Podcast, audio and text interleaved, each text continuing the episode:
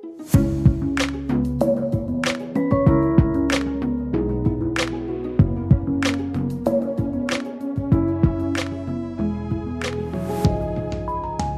du forklare meg forskjellen på kronikk, kommentar, debattinnlegg og replikk?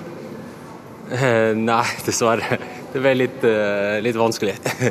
Nei, faktisk ikke. Og replikk er at du smetter mellom, mener jeg da. Kan du si meg forskjellen på de tre? Aner ikke. Kommentar. Kommentarer, ja. Det er noen kommenterer noe egentlig som er skrevet på Facebook eller i aviser, da. Nei, replikk. Det tror jeg ikke jeg har hørt engang. Lenge siden på videregående. Ja. Nei, så har kanskje noen av norskkunnskapene fra videregående falma med årene hos mange av oss. Men det jeg kan se, i alle fall ut fra min Facebook-feed, er at de stadig deles i større grad. Altså de her ulike formene for debattinnlegg, ikke norskkunnskapene. Ifølge statistikktjenesten Storyboard MX, som har sjekka delingstall for over fire millioner norske nyhetssaker, så skjedde det nå i 2014. Årene før var det mest delte debattinnleggene på mellom 60 og 80 000 delinger, men så kommer 2014. Og sjøl om det ikke blir flere debattsaker på topp ti-lista, de må nemlig slåss om oppmerksomheten med saker som Du vil ikke tro reaksjonen når disse barna åpnet døra, eller Sjokolade og rødvin gjør deg slank. Til tross for de her klikkvinnerne, så deles debattinnlegg i større omfang enn før. På åttendeplass for saker publisert i 2014 finner vi et innlegg fra en svensk blogger som du kanskje har lest. Når ble det forbudt å irettesette ulydige barn? Det har blitt delt 105 000 ganger siden det ble publisert 24.11.2014. Hm, er jeg inne på noe? Det er nok riktig det at det deles mer debattstoff eh, i de sosiale mediene, altså forholdsvis eh, mer. Eh, og det er nok blitt sånn også fordi at Facebook, om det ikke var skapt for, for debattstoff, så er det blitt sånn at de to passer ganske godt sammen. Debattstoff er ofte lett å fatte. Du skjønner fort hva det handler om. Det er veldig ofte lett å være enig i noe, eller det er lett å være uenig i noe. Og det er verdier i debattstoffet som, som har passet og passer ganske godt sammen med f.eks. Facebook og også Twitter. Erik Tornes er debattredaktør i Aftenposten, og han kan se på tallene at debattstoffet deres er populært for tida. Fra 2014 så ser vi at 17 av de 20 mest leste sakene på aftenposten.no var meningssaker. Altså debattinnlegg eller kronikker eller kommentarer. Ting som har mening i seg. Det er mange grunner til det, men, men det har også med de sosiale mediene som, som spiller oppunder og, og bidrar til at de sakene blir godt lest og, og, og delt. Og han og mange andre debattredaktører har plassert deleknapper for Facebook og Twitter lett tilgjengelig ved debattinnlegget av en god grunn. På noen av våre saker så, så er, har vi kanskje 70% av lesningen kommer fra Facebook, eh, og, og 20-30% fra aftenposten.no. Og Da er det klart at da er det på en måte eh, ofte eh, nye lesere som, som ikke ville lest Aftenposten hvis ikke de hadde kommet over denne kronikken eller dette debattinnlegget via Facebook. Ja, for Hvorfor tror du at det er sånn at debattstoff har fått mer plass i våre sosiale medier, som egentlig er en privat sfære? Ja, det har blitt litt mer Ja, det er, det er et ganske stort spørsmål å svare på hvorfor det er blitt sånn, men det man i hvert fall kan si er at i løpet av de siste årene, kanskje de tre-fire siste årene, så har Facebook utviklet seg til å bli, i hvert fall for noen, en, en debattarena også. Eh, for noen en veldig stor debattarena, og for andre en litt mindre debattarena. Det har alltid vært sånn at folk diskuterer eh, og snakker om ting som er på dagsorden. Eh, og ofte er det meningssaker eller nyheter som debatteres videre, og som, og som blir en diskusjon eller en debatt. Og, og, de samtalene har alltid funnet sted der det er folk til stede. Om det er rundt et lunsjbord eller om det er på Facebook eller på Twitter, så er ikke forskjellen så veldig stor. Det er, det er der mennesker samles eller møtes på en eller annen måte, så vil det diskuteres. Det er vanskelig å få helt nøyaktige tall for hvert år, fordi publisistene skifter URL-adresse på sakene og derfor mister de tellinga. Pluss at saker deles i lang tid etter de er publisert, og dermed blir tallene oppdatert i etterkant. Men det er ikke vanskelig å kjenne igjen en debutant som hvert år de siste tre årene har figurert på topp tre-lista over de mest delte sakene i sosiale medier. Hei, du. God dag, god dag. God dag, god dag. Altså, jeg- herregud, jeg har jo holdt på i 72 år. Fartet rundt i alle slags rom i Det norske hus, og, og med foredrag og i debatter. Og, men du har helt rett, det er jo først de siste årene at jeg på en måte har fått gjenklang. Blitt en liten popstjerne.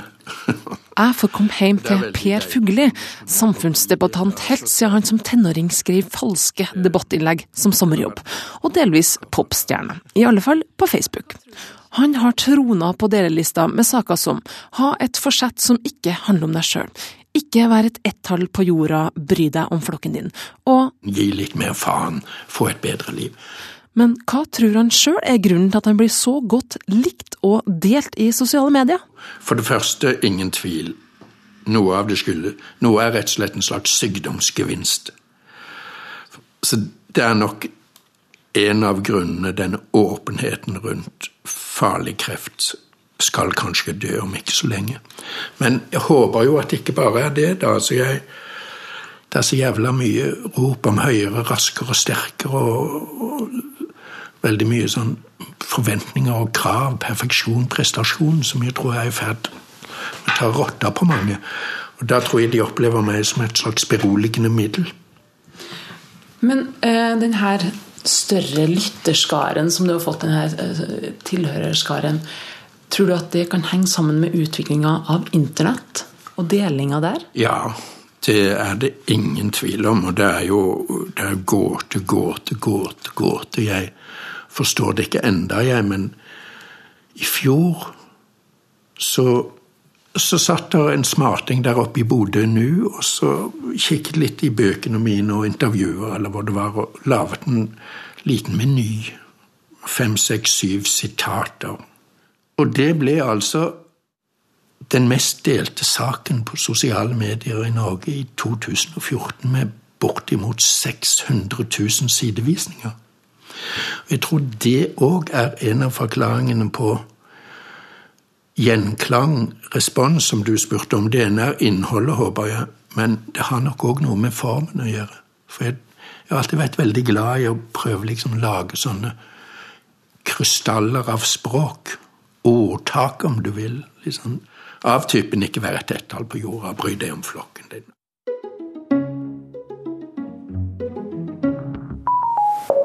Det er nok mange grunner til at Per Fugelli er poppis i sosiale medier.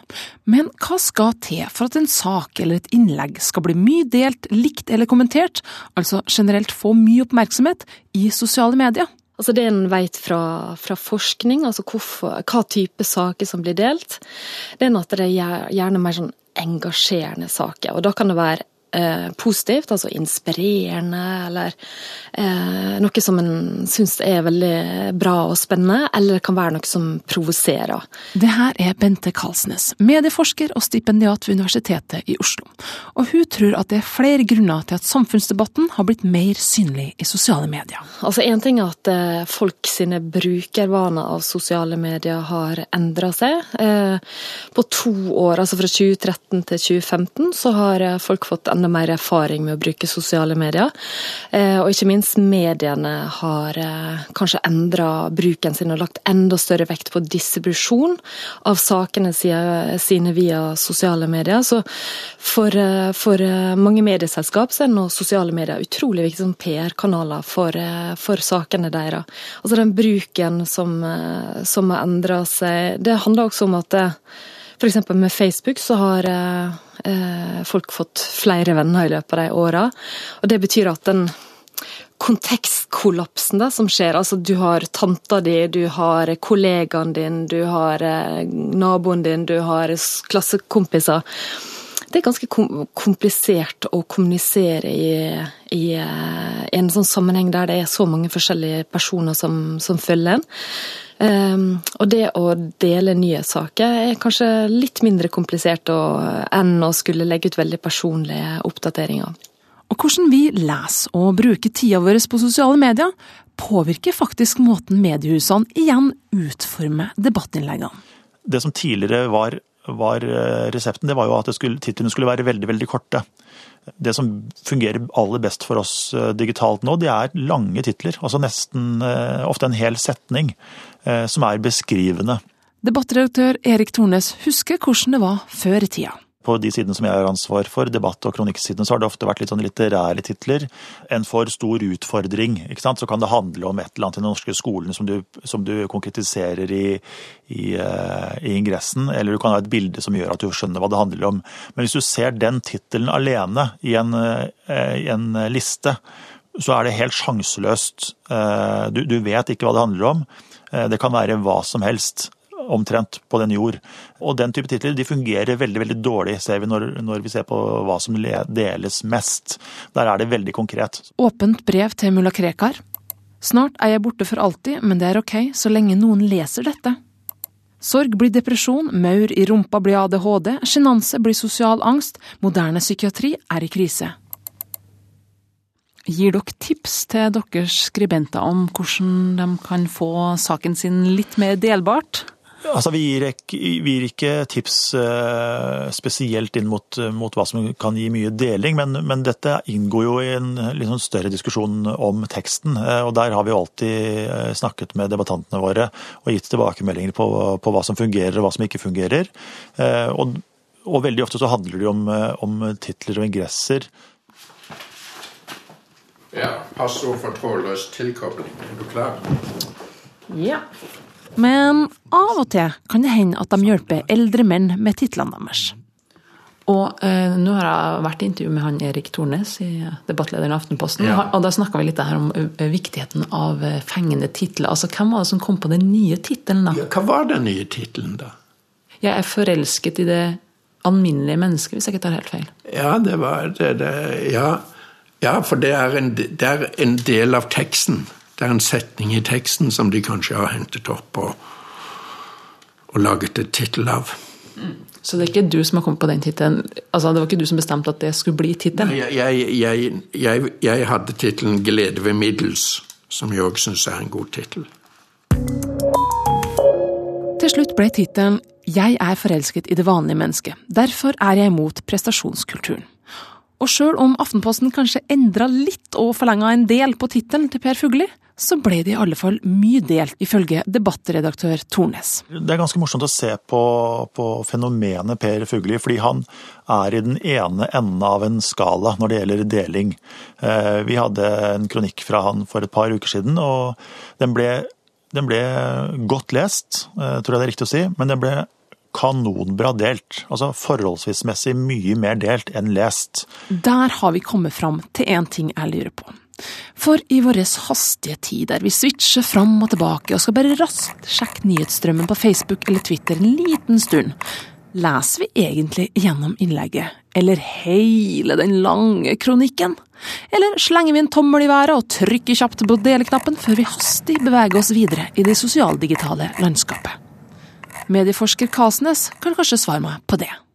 Det er altså, det er en sånn amerikanske nettsted som har målt det, fordi at de har hatt muligheten til å uh, gå inn og kikke på hvor langt ned folk faktisk scroller før de trykker på deleknappen. Og i en del tilfeller så er det mange som deler det bare ved å ha sett Eh, tittelen og ingressen og de første linjene, fordi at de syns at det er eh, spennende inntrykk av en sak, uten at de har lest det, det, hele.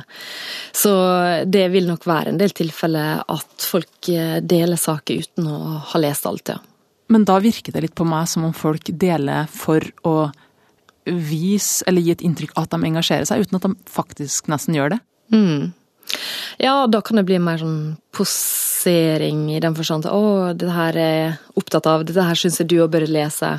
Eh, jeg har eh, Eller at eh, noen bruker det for å minne seg sjøl om hva de faktisk skal, skal lese senere. Men, men, det går igjen tilbake på dette her med at eh, vi ønsker å gi et inntrykk av hva vi er opptatt av, eh, via det vi deler i sosiale medier. Men hva syns Per om at flere skumleser og deler, enn at de faktisk leser gjennom det han skriver? Nei, nei, det er eh, Jeg skjønner dem godt. Det er helt greit. Og jeg synes altså, det er vel Er det ikke mye sånn vi i gamle dager leste aviser og ukeblader og til og med bøker også? Altså, jeg, jeg kan jo ha stor glede for så vidt av å lese en bok veldig overfladisk. Det er slett ikke alle bøker jeg leser litt sånn grundig og tenksomt ord for ord, men se på innholdsfortegnelsen, glimter litt gjennom fra side til side, og, og så legger den fra meg. Det betyr ikke at jeg ikke har hatt utbytte av den. og så har du en egen side som Men hvordan har det Hvordan altså går de Er det Sjøl om Per gjør det skarpt i sosiale medier, er han sjøl ikke inne i tidstyvens enorme rike.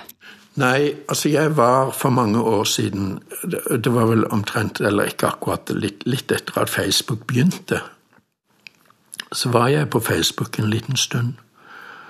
Eh, og det likte jeg veldig godt. Eh, storkoste meg med Facebook i en måned eller to, men så måtte jeg flykte. Fordi Eh, det, det ble for beslagleggende, altså. Jeg tenkte jeg skulle ta deg med inn på Facebook. Går det greit? Så får vi se litt uh, hvordan suksess du gjør der. Mm -hmm. Ja, la oss gå inn og se. Her ser du Aftenposten har delt innlegget ditt. Det har 2900 likes og 928 shares bare der, da, fra dem. Men ja. vi vet jo at du har 49 000 her. Og hva er dette for noe? Her er Nitimen. Og det er ni timer? Mm, et intervju med deg. Men du, hvis du ser på altså Er det sånn videoopptak òg, da? Mm, kanskje. Vi kan gå inn og se. Men du så det var noe sånn som det Nei, det er Nei, jeg tror bare Vi går litt lenger ned. Per Fugli om den moderne fattigdommen. Ja. Herregud, jeg ser dårlig ut. Her, vet du. Her har du 10 000 mennesker som liker Per Fugli. Se her. Der var Nina og meg som har skrevet. Ja. Må lese høyt. Nei, det tør jeg ikke. Er du gal? Per Fugli er en av Norges klokeste og godeste menn. Uten tvil. Og godeste syns jeg er, det er jo veldig stas, da. Ja, Der er du på andreplass, ser du. Hva er det, du? Per Fugli har et forsett som ikke handler om deg selv. Ja, på andreplass i hva? I 2013. I, I, det som er delt? Ja. Så du, det ble delt 63 048 ganger. Yes. Da skal vi se Du var på 17.-plass her om dagen. Der. Jeg er forelsket i det vanlige mennesket, ja. Mm -hmm. 16.-plass. Ja. Det ble publisert 23.9. Ja. 16.-plass, det var jo forferdelig dårlig. Nå må jeg ta meg sammen. Nå ble jeg helt uh, opphisset. Det må være siden jeg har vært forkjølt i det siste. Der er hun på førsteplass. Hun skal snakke med etterpå nå. Hun har 91 000. 90, det er dobbelt så mye som meg, det. Ja, det, det, er veldig uhyggelig. Hun ble publisert 7. juni. Ja, men allikevel. Det, dette er kampen for tilværelsen. Ja. Og Pers motstander i denne kampen er denne dama. Tenk etter selv, hvor mange av vennene dine er du sammen med fordi de har sykt fine kropper? Hvor mange kropper husker du faktisk fra stranda i fjor? Husker du i det hele tatt hvordan mange andre så ut i bikini? Helene Drage er blogger, gründer, personlig trener og ung. For det er ikke bare gamle ringerever som får delta i samfunnsdebatten. Med utviklinga innen sosiale medier har det kommet noen nye stemmer inn bakveien, eller sideveien, nemlig bloggerne. For årets mest delte debattinnlegg per 3.11.2015 var nemlig Helenes kommentar. Jeg har like stor rett til å gå i bikini som alle andre. Først publisert på magasinet Camilles nettsider. Ja. Jeg bare tar opp jeg, tydeligvis. Ja, ja. Men du Jeg møter Helene i en park i Oslo, og hun kommer selvfølgelig kledd i treningsklær rett fra trening og på vei til ny.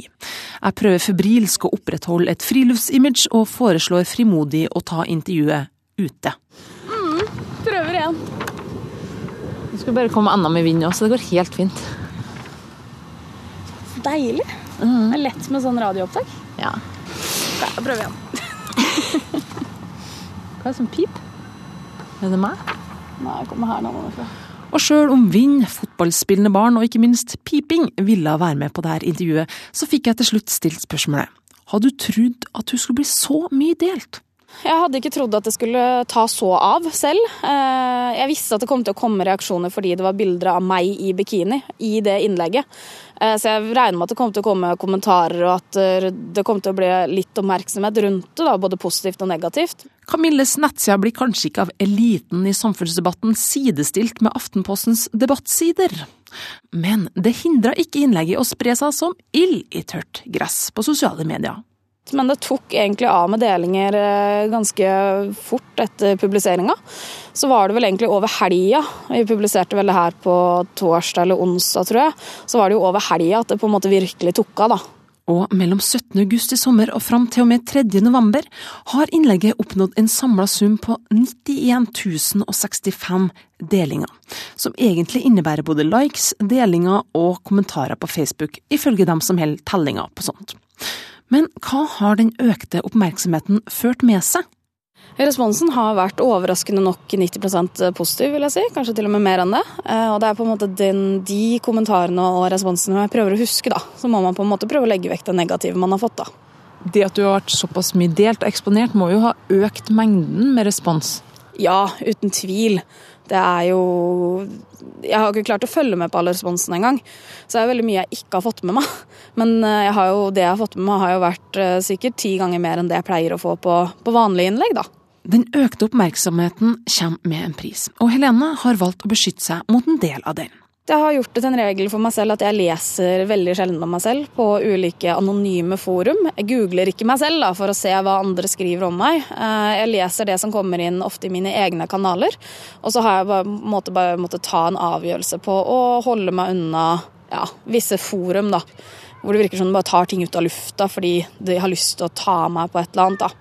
Så um, jeg må bare, bare, holde meg unna det, og så får jeg ta det positive jeg får via mine egne kanaler. Da. Og selvfølgelig også konstruktiv kritikk. Det vil man jo alltid ha. Men veldig mye av det jeg får, er jo ikke konstruktivt. Hvordan er det når du deler noe på bloggen din, så får du se alle kommentarer som kommer inn, du har litt mer kontroll. Men når et sånt innlegg blir først delt på Kamille, og så på Facebook, så mister du jo litt eh, kontrollen over den debatten rundt det innlegget. Hvordan oppleves det? Nå skal det jo sies at Camilla har vært veldig flinke til å ta den sensureringa og på en måte fjerne de kommentarene som har vært eh, helt, eh, helt bak mål, da, som på en måte har vært veldig ikke negativ i den forstand, men som har vært rett og slett ondskapsfulle og slemme. De har de vært veldig flinke til å fjerne. Eh, men det at man mister kontroll på den måten, det, det er jo ikke noe man syns er kult. da. Det har jo dukka opp kommentarer som eh, jeg helst vil få fjerna, som jeg ikke har muligheten til å få fjerne. Og det er veldig synd, fordi det er veldig mye usanne rykter som på en måte blir spredd da, så fort man kommer sånn i media. Og det, det, er jo ikke noe man syns er noe morsomt, da. Men det virker som det er litt prisen man må betale for å, for å på en måte bli kjent, da, hvis vi kan kalle det det. For mens man kan lese et debattinnlegg i ei avis og være hylende uenig, så er det for mange en litt høy terskel for å skrive en kritisk kommentar og sende inn til avisas debattredaktør. Men på sosiale medier er det betraktelig enklere å få utløp for meningene sine kanskje for enkelt? Der er mange fordeler med at, uh, at vi har fått en større uh, offentlighet, og har fått en digital offentlighet, samtidig som at uh, trykket mot den enkelte kan, kan bli større, fordi at en kommer på en måte nærmere de som er samfunnsdeltakere, altså via kommentarfeltet eller via mobilen eller via den profilen har i sosiale medier, så kan en nå mer direkte inn til det enkelte, og det kan være ganske tøft hvis, eh, hvis det er sjikane og trusler som eh, kommer. Eh, og det er et problem. At det er en del som grunn av kommentarfelter og av sjikane og trusler vegrer seg for å, for å delta. Medieforsker Kalsnes ser utfordringene ved å bli en debattant i sosiale medier. Men har bloggeren Helene blitt skremt fra å fortsette i samfunnsdebatten? Ja og nei. Um, fordi det ble veldig mye negativt ut av det også. Uh, men igjen, jeg prøver å fokusere på det positive, og det var på en måte så mange som, som, ga den positive responsen. Og da vil man jo selvfølgelig fortsette. Da føler man jo at man gjør noe riktig. Man føler at man har en viktig stemme, ikke minst. Og at det arbeidet er noe jeg ønsker å fortsette med. Så hovedsakelig ja, det er noe som jeg vil fortsette med. Jeg vil være en del av den samfunnsdebatten, for jeg mener den er veldig viktig. Og da må man bare sette på seg litt skylapper og tenke på det positive man gjør, og så må man prøve å legge det negative vekk. For noen kommer alltid til å ha noe negativt å si uansett hva man sier. Å gi seg av den grunn, det, det er ikke noe for meg. Mm. Og hvis det ringer et uh, stor avis og vil ha deg inn på sine debattsider, hva sier du da? Sier jeg selvfølgelig ikke nei.